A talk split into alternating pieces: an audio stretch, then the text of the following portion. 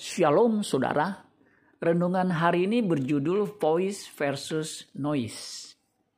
1 Raja-Raja 19 ayat 11 sampai 13. Lalu firmannya, keluarlah dan berdiri di atas gunung itu di hadapan Tuhan.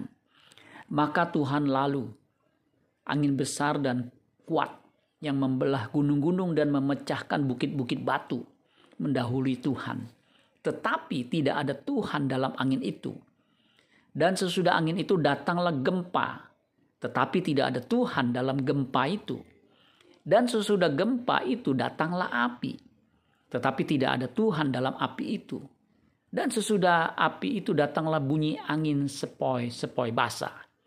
Segera sesudah Elia mendengarnya, ia menyelubungi mukanya dengan jubahnya, lalu pergi keluar dan berdiri di, di pintu gua itu.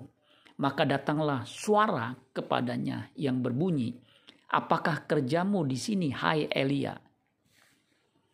Apa bedanya voice, voice itu bunyi atau suara, dan noise, noise itu bising, gaduh, riuh.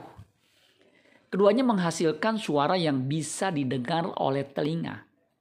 Noise adalah suara yang bisa didengar tapi tidak mengandung pesan yang cukup berarti. Noise hanya punya makna jika suara itu dielaborasi lebih lanjut.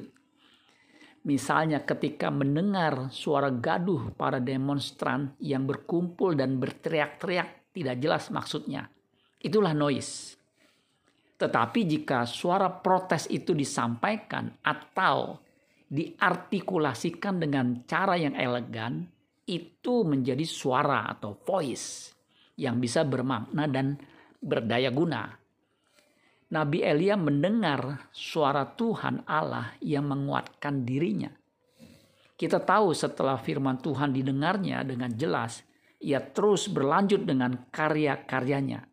Akhirnya, ia dijemput kereta berapi dengan kuda berapi menuju kediaman Tuhan Allah. Dua Raja-Raja 2 ayat 11 dikatakan, sedang mereka berjalan terus sambil berkata-kata, tiba-tiba datanglah kereta berapi dengan kuda berapi memisahkan keduanya. Lalu naiklah Elia ke sorga dalam angin badai. Orang percaya harus lebih banyak mendengar suara Tuhan ketimbang suara gaduh yang tidak jelas asal usulnya. Amin buat firman Tuhan. Tuhan Yesus memberkati. Sola Gracia.